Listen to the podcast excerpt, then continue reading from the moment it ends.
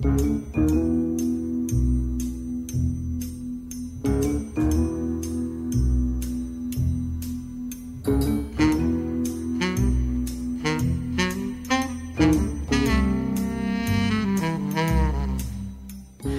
tarda a tots i a totes, o a totes i a tots, i benvinguts a Un món de conte.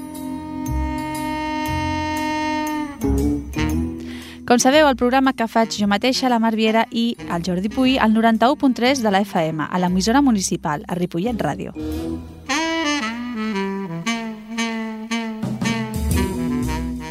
Sabeu que tots els dimecres de 6 a 7 de la tarda teniu una cita aquí amb contes i llegendes i rondalles i molt material que portem cada dimecres i que si no ens podeu escoltar els dimecres, doncs ho podeu fer els dissabtes de 5 a 6 de la tarda o a www.ripolletradio.cat. I bé, avui és el darrer programa abans de les vacances de Nadal. La setmana vinent no farem programa i, per tant, avui doncs, ens acomiadarem abans d'aquestes festes nadalenques. Què, us heu portat bé? Us, us portaran moltes coses al Pare Noel o als Reis Mags? Esperem que sí.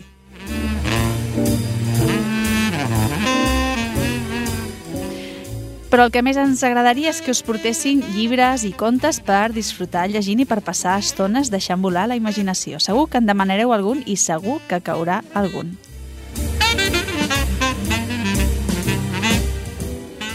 Doncs com que és avui el darrer programa abans de Nadal, a més a més avui és 12 del 12 del 12, doncs farem molta feina. Portem molts, molts contes i moltes històries i els títols són aquests. Els follets sabaters, La princesa granota, La rata de ciutat i La rata de pagès. I per acabar, dos contes nadalencs, El petit avet i El ninot de neu. I per amenitzar-ho tot això, doncs portem la música de la pel·lícula Love Actually. My poor heart, it's been so dark. Love Actually, una pel·lícula que aporta diferents històries, totes elles relacionades amb el Nadal i doncs, amb això, amb l'amor. Precisament el títol de la pel·lícula ens ho diu. Esperem doncs que us agradi aquesta banda sonora que hem portat per avui i anem per feina.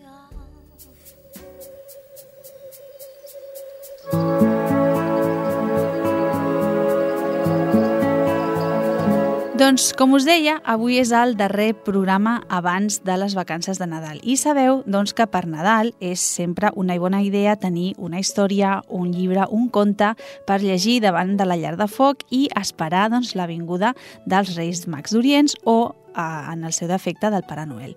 A nosaltres aquí a Un món de conte la veritat és que ens agrada més eh, parlar de Reis Mags i parlar d'aquesta història d'uns reis que van anar a visitar un nadó acabat de néixer i que els hi van portar doncs, bueno, tres regals, que va ser l'encens, l'or i la mirra.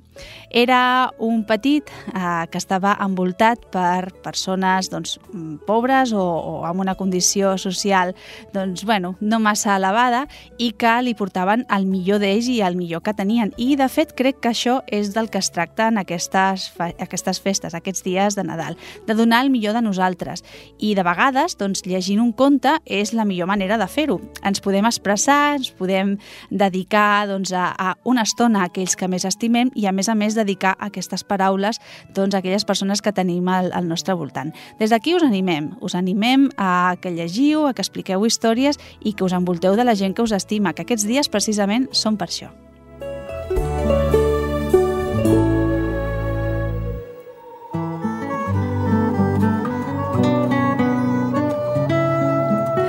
Doncs bé, començaríem amb la primera història, que com us he dit és aquesta que es titula Els follets sabaters. Ja hem parlat de follets en altres programes, ja hem portat contes de follets i, i com heu pogut veure doncs són follets entremaliats que sempre fan alguna. A veure què, què és el que fan en aquesta història d'avui.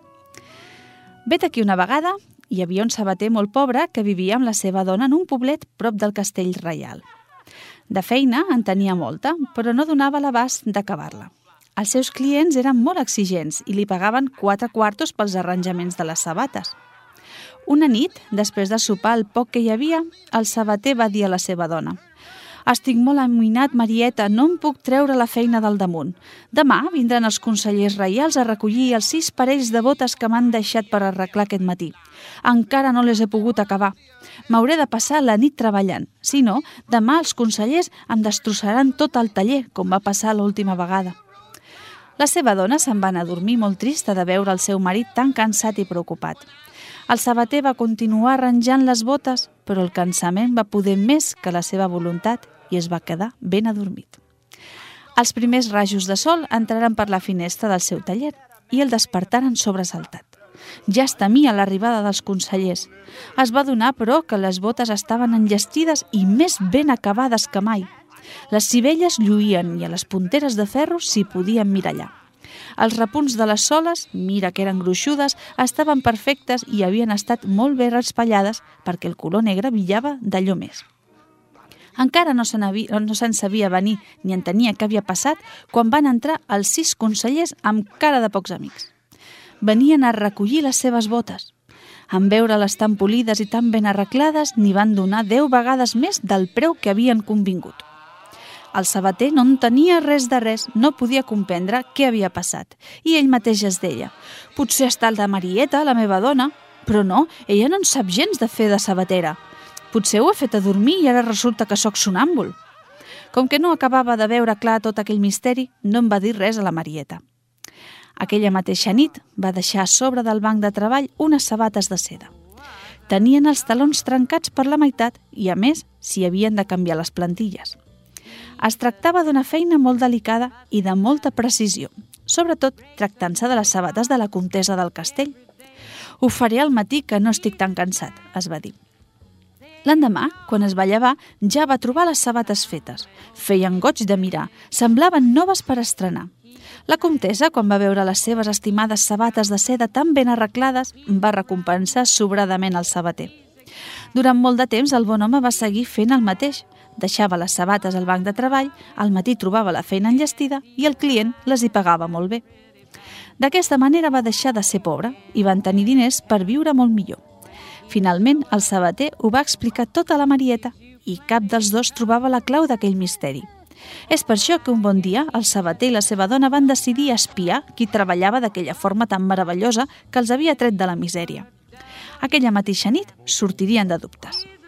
Heus aquí que a prop de mitjanit ells dos van amagar darrere les cortines del taller, tot esperant descobrir aquell enigma. Al punt de les 12 campanades es van sentir uns sorollets, crec, crec, crec, com si uns escarabats baixessin pel forat de la xamanella.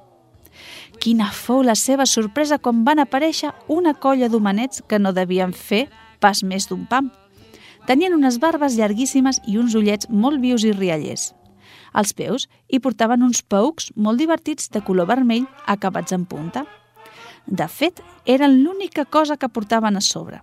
S'enfilaren al banc de treball tot ballant, fent tombarelles i rodes. Quan van estar ben cansats de fer xerinola, el més vell va picar de mans tres cops i tots es posaren a treballar.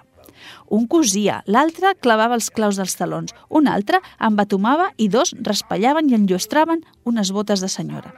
Tot era un no parar. Quan la feina va estar enllestida, l'homenet vell la va revisar amb molta cura. Després van anar baixant del banc fent mil i una cabrioles i van desaparèixer xamanell amunt. El sabater i la seva dona estaven d'allò més meravellats i agraïts de tenir aquells fullets sabaters per treballadors. I heus aquí que la dona va pensar que podrien fer-los un regal. Ella els faria un vestidet per a cada un, així de ben segur que estarien contents. Va treballar durant tot el dia cosint una roba que tenia vermella i verda per fer-se una camisa. Va començar a tallar i cosir pantalonets, camises i jaquetes per tots i encara va sobrar roba per fer un barretet ben eixerit. Després de sopar, van deixar tota la robeta ben posada al banc de treball, al costat de les sabates, i se'n van anar a dormir. Arriba la nit i els fullets, com sempre, s'enfilaren al banc de treball. Quan van veure aquells vestidets van estar tan contents que ballaven i giravoltaven d'alegria, fent més gres que mai. Tots es van vestir i calçar els peucs ben feliços. El més vell va agafar un bocí de carbó que el sabater tenia per dibuixar plantilles i va escriure a terra unes lletres ben grosses que deien «Estem molt contents, heu estat molt agraïts i mai no us mancarà feina ni diners, però ens heu descobert i ja no tornarem més. I agafats els uns als altres van fer una llarga cadena i tot ballant van desaparèixer xamanella amunt per sempre més. I tot això és tan cert com que el que és madur no és verd.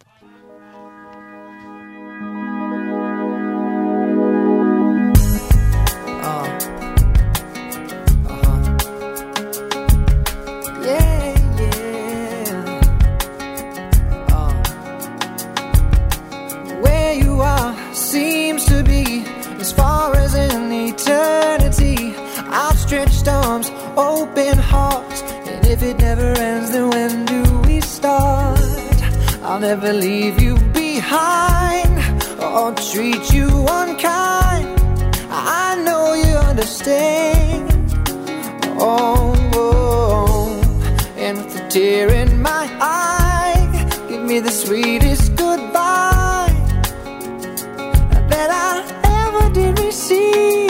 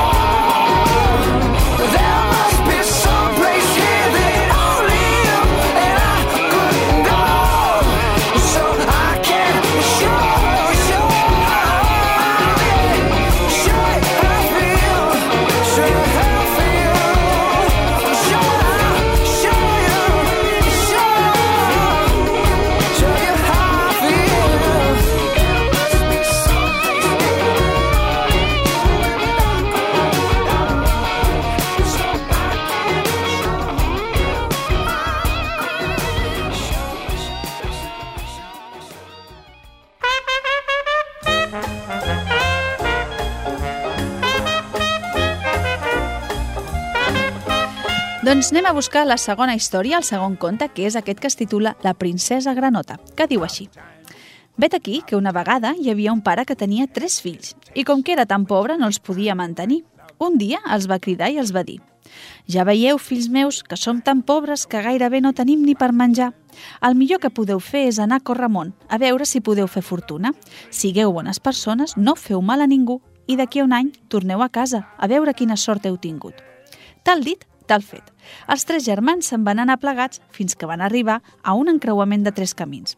Aleshores, cadascun va prendre un camí diferent. El més gran va arribar a un molí i es va llogar de moliner. Cada dia treia sacs i més sacs de farina i després els portava a vendre al mercat. Resulta que l'amo del molí tenia una filla que era tan alta com un Sant Pau, lletja com un espantall i bruta com una mala cosa. Però el noi se'n va enamorar i es van casar. El germà mitjà va trobar pel camí una sínia. L'amo plorava perquè se li havia mort l'assa que li feia voltar i ara no podia aconseguir l'aigua per regar els seus camps. El noi li va dir «Si em voleu jugar a mi, jo, que sóc molt treballador i molt valent, faré la feina de l'asa i us faré voltar la sínia». L'amo hi va estar d'acord i el va llogar. Aquest tenia una filla menuda com un cap d'agulla, desnerida i molt poca cosa, amb una cara de pomes agres i un cabells que semblaven fregalls. Però es van enamorar del noi, que feia d'asa, i ell també, així que es van casar. El germà petit va arribar a un estany ombrejat per uns salses. Al costat hi havia un prat d'herba tapeïda de flors oloroses que van seduir el noi. L'estany estava ple de granotes que es passaven tot el dia fent rauc-rauc. Ell mai no havia sentit cantar aquelles bestioles i es va quedar quiet, sense moure's, mentre les anava escoltant. Saltaven d'un cantó a l'altre i feien uns bots que van deixar-lo meravellat. Tot l'entorn era una meravella i el paisatge invità el noi a quedar-se. De totes les bestioles es va fixar en una granoteta, tota xerida i tota bufona, que es va posar al seu costat i va anar votant fins que ell va entendre que la granoteta li deia que la seguís. El noi, encuriosit, així ho va fer, fins a arribar a una cova plena de sales i de cambres. En una d'elles, la que estava més endins, hi havia una gran taula parada amb unes estovalles de fil blanc, uns preciosos canelobres i 11 cadires al voltant. Però només hi havia plats i coberts per poder menjar una persona. El noi, sorprès i mig espantat, es va seure i es va entaular, amb la granota que no es movia del seu costat i li feia companyia. De sobte, unes mans meravelloses li van servir el millor dels menjars. El noi es va tipar com un lladre i va beure bon vi com un rei. Després de menjar, va semblar que li granota li feia que la seguís. El noi ho va fer. Aleshores van arribar plegats al peu de l'estany i la granota s'hi va capbussar. La granota va continuar cantant tota la tarda el seu rauc-rauc. El noi la van escoltant fins que va arribar al vespre. La granota va tornar a sortir de l'aigua i va tornar a portar el noi a la cova. Ell es va tornar a entaular i va tornar a menjar com un rei. Després de sopar, la granota el va conduir fins a una cambra amb 11 llits amb llençols de fil i brodats d'or. El noi n'escollí un i es posà a dormir. L'endemà la granoteta ja l'esperava i va tornar a començar el dia igual que l'anterior. El noi estava molt a gust i la granoteta li cantava tot el dia. A les hores de menjar es repetia cada dia la mateixa cerimònia i cada vespre dormia en el mateix llit. Així va passar molt temps. Just el dia que feia l'any que el noi havia arribat a l'estall meravellós, la granoteta quedà convertida en una bonica princesa amb uns cabells rossos i llargs fins la cintura i uns ulls blaus com el cel d'estiu. El noi va quedar tan parat en veure una princesa tan encisadora que no va saber què dir. Però ella parla així. Jo sóc una princesa encantada. Un ogre que es volia casar amb mi i a qui no vaig voler em va transformar en un dels animals més lletjos i fastigosos. Només em podia desencantar una bona persona que es passés un any al meu costat, escoltant com cantava sense cansar-se'n. Qui podia pensar que algú s'aturaria al meu costat i em trauria l'encanteri? Tu has estat aquesta persona i com que t'estic tan agraïda, em casaré amb tu. Ara mateix enviaré a buscar una carrossa al palau i farem un casament com cal a una princesa i a un príncep. Resulta que l'ogre, a més de la princesa, també havia encantat cinc doncelles criades d'ella i quatre patxes que també es van desencantar. Anaven tots vestits amb una roba que enlluernava de mirar i tots plegats es van asseure en les onze cadires que hi havia a la taula i que havien estat buides durant tot l'any. El noi no es podia creure el que li havia passat i va quedar molt content de poder-se casar amb una princesa. Però es complia l'any que era fora de casa i s'havia compromès a tornar-hi i explicar la seva sort al seu pare. I així li ho va dir a la princesa. Ella se'n va fer el càrrec i el deixà marxar tot dient «T'esperaré fins que em tornis a buscar». El noi se'n va anar tot seguit a casa del pare i allà es va trobar amb els seus dos germans i les seves pobres dones. Els dos germans s'havien fet tan fart de treballar que havien arribat rebentats i cansats. El germà petit no els va voler explicar res de la seva sort. Només els va dir que d'aquí a quatre dies els enviaria a buscar perquè anessin a casa seva i se'n va tornar a la cova de les granotes. Abans d'arribar-hi va veure el llarg seguici de les carrosses daurades. La princesa, que l'esperava, li donà la mà. Van pujar a la millor carrossa i es van dirigir al palau. Quan el rei va veure la seva filla, que tant de temps havia estat granota, va estar més de set vegades content. De seguida va fer preparar una gran festa i un gran convit pel casament de la seva filla. El noi, ara a punt de ser príncep, va dir al rei Majestat, jo vinc d'una família molt pobra i tinc un pare i dos germans molt desventurats. Ara que la meva sort ha canviat, m'agradaria molt de poder-los ajudar. El rei hi va estar d'acord i els va fer anar a buscar. Quan els germans, les seves dones i el pare del noi van arribar al palau, no es creien el que veien. El noi petit de casa, el més eixerit, es casava amb la princesa Granota. El casament va ser molt fastuós i bonic, tan bonic que se'n va parlar durant molt de temps i encara se'n parla. I van ser feliços i van menjar molts anissos.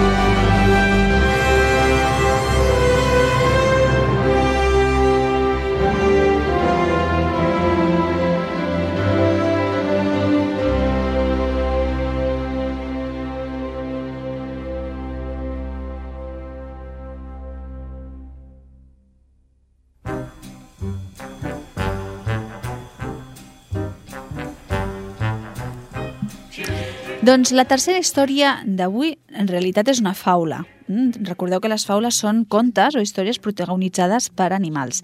I en aquest cas, el títol d'aquesta faula és La rata de ciutat i la rata de pagès. Diu així.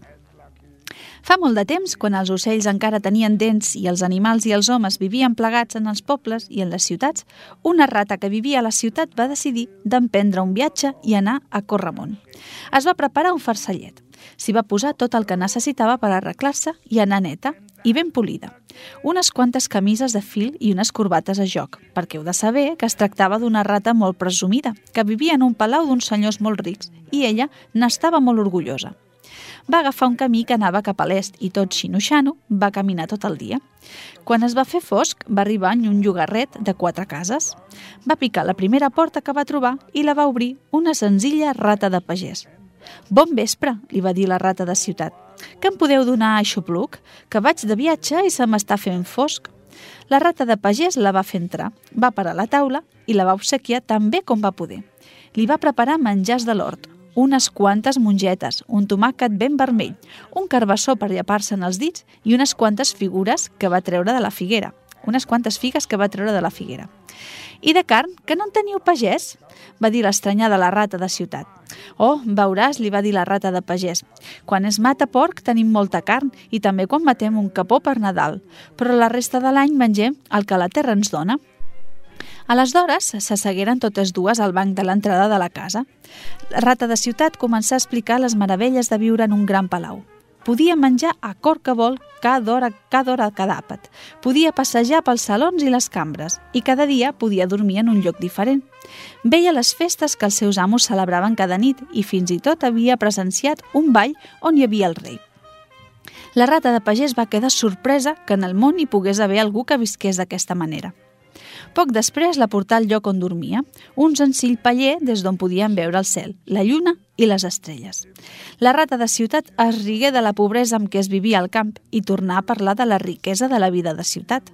Quan l'endemà es va acomiadar de la rata de pagès, la convidà a anar un dia al seu palau. Seràs benvinguda, li va dir, i veuràs una altra forma de viure. Potser, fins i tot, no voldràs tornar al teu senzill paller de pagès.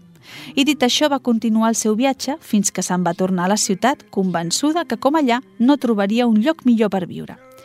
Temps després va enviar una carta a la rata de pagès i la va convidar a passar uns dies al palau on vivia. La rata de pagès, molt contenta, va agafar quatre coses, es posà en un farcell i se'n va anar a fer-li una visita. La rata de ciutat la va rebre amb els braços oberts i li va ensenyar tots els racons de palau. La va fer entrar pel rebost, ple de suculantes viandes, porcs, pernils, vedelles guisades, peixos salats, botifarres, llonganisses i formatges curats. Això és bo de veritat i no les verdures que teniu al camp. Saps què has de fer? Deixar la teva casa i venir-te a instal·lar a mi. Em veuries que bé que ens ho passaríem les dues plegades aquí al palau. La pobra rata de camp no se sabia venir de tant de menjar, de tantes riqueses i de tant de luxe. A l'hora de dinar, les dues rates van agafar tot el que van voler del rebost i s'ho van anar menjant a una taula llarga i majestuosa que hi havia al palau. Quan estaven a punt de començar el que sens dubte havia de ser el millor festí de la rata de camp, van sentir un gran terrabastrall i la rata de ciutat es posà a xisclar. Amaga't, amaga't o no ho explicaràs, vine al cau que tinc aquí i tan ràpid com va poder es va ficar en un forat que hi havia en un racó de la sala. La pobra rata de pagès estava tan esporuguida que, de, que no sabia cap on córrer. Li va venir d'un moment com el cop d'escombra d'unes criades al palau, no l'ensalça i la deixa morta. «Però què és això?», va dir esbufejant i tot espantada. «Què passa aquí?». «Oh, veuràs», li va dir la rata de ciutat. Viure a Palau té els seus perills. Els senyors no volen cap rat en lloc i les criades de tant en tant em persegueixen amb l'escombra. Però no t'amoïnis, ja sé el que he de fer per escapar-me. Només amb unes quantes corregudes al dia ja en tinc prou. I tu ets la que em dius que aquí s'hi viu tan bé i s'hi porta una vida tan regalada? Que no veus que estàs en perill constant? Jo al camp no tinc tantes bones viandes ni unes cambres tan luxoses, però la meva vida és tranquil·la i mai ningú no em persegueix. Vaig i vinc per tot arreu. Quan vull menjar, me n'agafo i visc sempre fora, sense por de res. Saps què et dic? Que me'n torno a la meva terra i et ben regalo les riqueses i els perills. I dit això, agafà el seu farcell i se'n va anar rebent per allà on havia vingut. La bona vida es trobava en la senzillesa i la calma de pagès i no en la riquesa i la vida agitada de la ciutat. I així són les coses. Val més menjar poc i pair bé que tenir molt i patir constantment.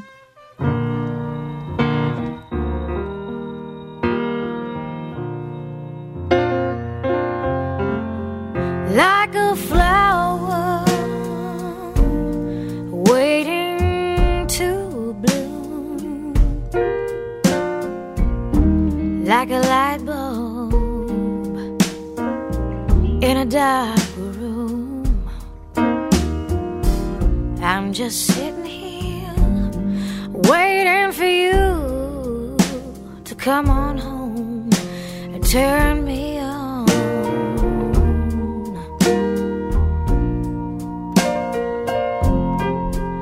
like the desert,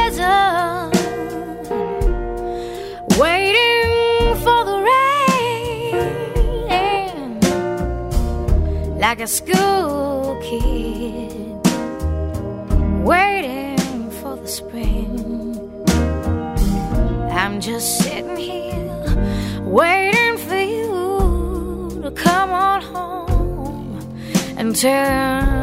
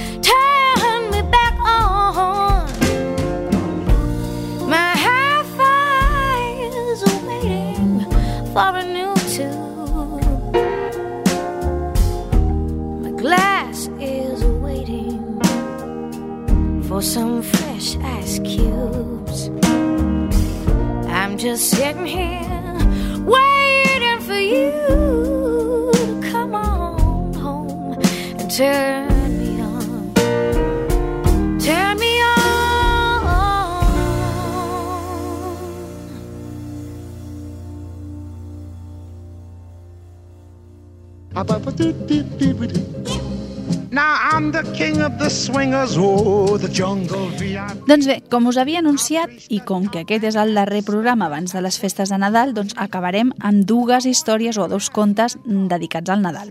Un d'ells és el Petit Abet i l'altre el Ninot de Neu. Comencem, doncs, amb el Petit Abet, i diu així.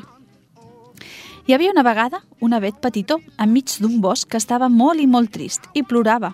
Sabeu per què? Perquè no li agradaven les seves fulles. No m'agraden aquestes fulles tan punxegudes. Tots els arbres tenen les fulles més boniques que les meves, plorava. I va estar plorant tot el dia, fins que es va fer de nit i abans de dormir-se va desitjar «M'agradaria tenir les fulles d'or». L'endemà al matí es va despertar el petit abet i les seves fulles eren grans fulles d'or. «Oh, que content que estic! Quines fulles més boniques! I són totes d'or!» Però tan boniques eren que va passar per allà un lladre i se les va endur totes. I el petit abet va tornar a plorar. Ja no vull fulles d'or, que se les enduen totes. Vull fulles de vidre, que són potser encara més boniques. Aquella nit es va tornar a dormir desitjant tenir les fulles de vidre. I l'endemà, al despertar-se... Oh, que content que estic! Quines fulles més boniques de vidre! Però aquell dia, aquell dia va bufar un vent molt fort, tan fort que va tirar totes les fulles de vidre a terra, trencant-les amb un gran terrabastall. Ja no vull fulles de vidre, que es trenquen totes. Vull unes fulles ben verdes. I aquella nit es va tornar a dormir, desitjant tenir les fulles ben verdes. Plorava de nou el petit abet. I l'endemà, al despertar-se, oh, que content que estic, quines fulles verdes més boniques. Però per davant va passar un ramat d'ovelles. Mireu, mireu quin arbre més baixet i quantes fulles que té. I les ovelles van començar a menjar-se les fulles del petit abet i no en van deixar ni una. No vull ni fulles d'or, ni de vidre, ni verdes. Jo el que realment vull són les meves agulles. Tornava a plorar el petit abet. I aquella nit es va dormir desitjant més que mai tornar a tenir les seves fulles d'agulla. I així fou quan l'endemà de bon matí es despertà i tenia una altra vegada les seves fulles fortes i punxegudes. I sense ningú que li robés les fulles ni les trenqués ni se les mengés, es va fer un arbre alt i gros i servia de xupluc a tots els animalets del bosc.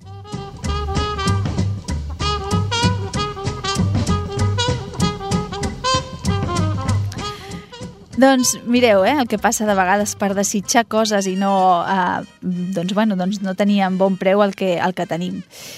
Anem per aquesta segona història de Nadal, la que es titula El ninot de neu. Cansat de la seva soledat, de veure sempre el blanc de la neu i sentir el fred, el ninot de neu tenia ganes de marxar molt lluny i poder sentir l'escalfor del sol al seu rostre. Una nit va desitjar amb totes les seves forces tenir cames per poder marxar d'allà.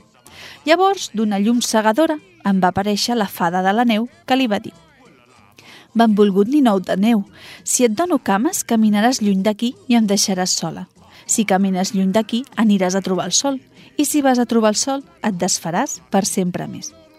Ai, no sabia que estiguessis amb mi. No t'havia vist mai per aquí, va dir el ninot de neu.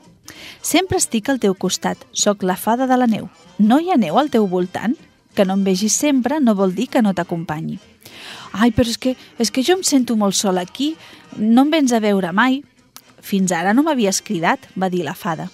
T'he cridat perquè vull unes cames per marxar d'aquí. Doncs si te les concedeixo, et fondràs. Però tu, tu que ets una fada, no pots fer que no em fongui amb el sol? Preguntà el ninot molt trist. Només ho faré amb una condició. Si et dono unes cames, podràs anar on fa calor un sol dia però m'has de prometre que em portaràs la més bella flor del prat més florit que vegis i recorda que només tens un dia, finalitzar la fada. El ninot hi va accedir i tot seguit dues cames van sorgir per art de màgia. Va començar el seu camí buscant la calor del sol i el prat de les flors. Mica en mica la neu anava desapareguent del seu voltant i l'escalfor del sol li anava acariciant la cara. El ninot de neu estava tan feliç que es va oblidar de tot el que li havia dit la fada. Va baixar muntanya avall fins a arribar a un poble. Allà la gent fugia corrent només veure'l. El pobre ninot es va acostar a uns nens que jugaven a pilota i els hi va demanar de jugar amb ells. Tots van fugir de seguida deixant-lo tot sol. Però el ninot va seguir el seu camí. Volia conèixer algú que li fes companyia. Va arribar fins a un bosc ple d'animalets, però en veure'l fugien igual que la gent del poble. Pobre ninot.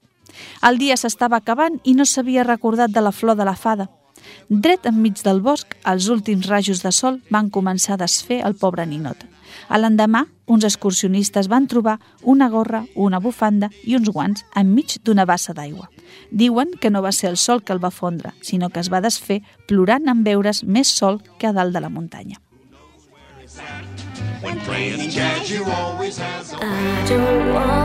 Lot Christmas. There's just one thing I need. I don't care about the presents underneath the Christmas tree. I just want you for my own,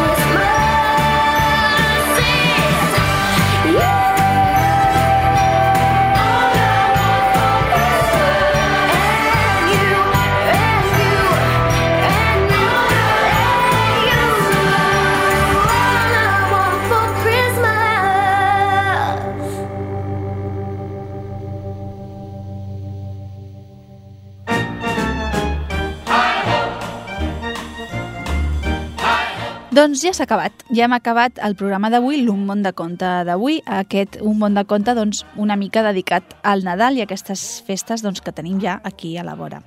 Per part meva, res més. Doncs desitjar-vos que tingueu un bon Nadal i un bon any nou, que recordeu anar a dormir aviat la nit del 24 si us ha de visitar el Pare Noel o la nit de Reis, que si no, no us portaran regals i no us portaran aquests llibres de contes tan fantàstics que segurament heu demanat.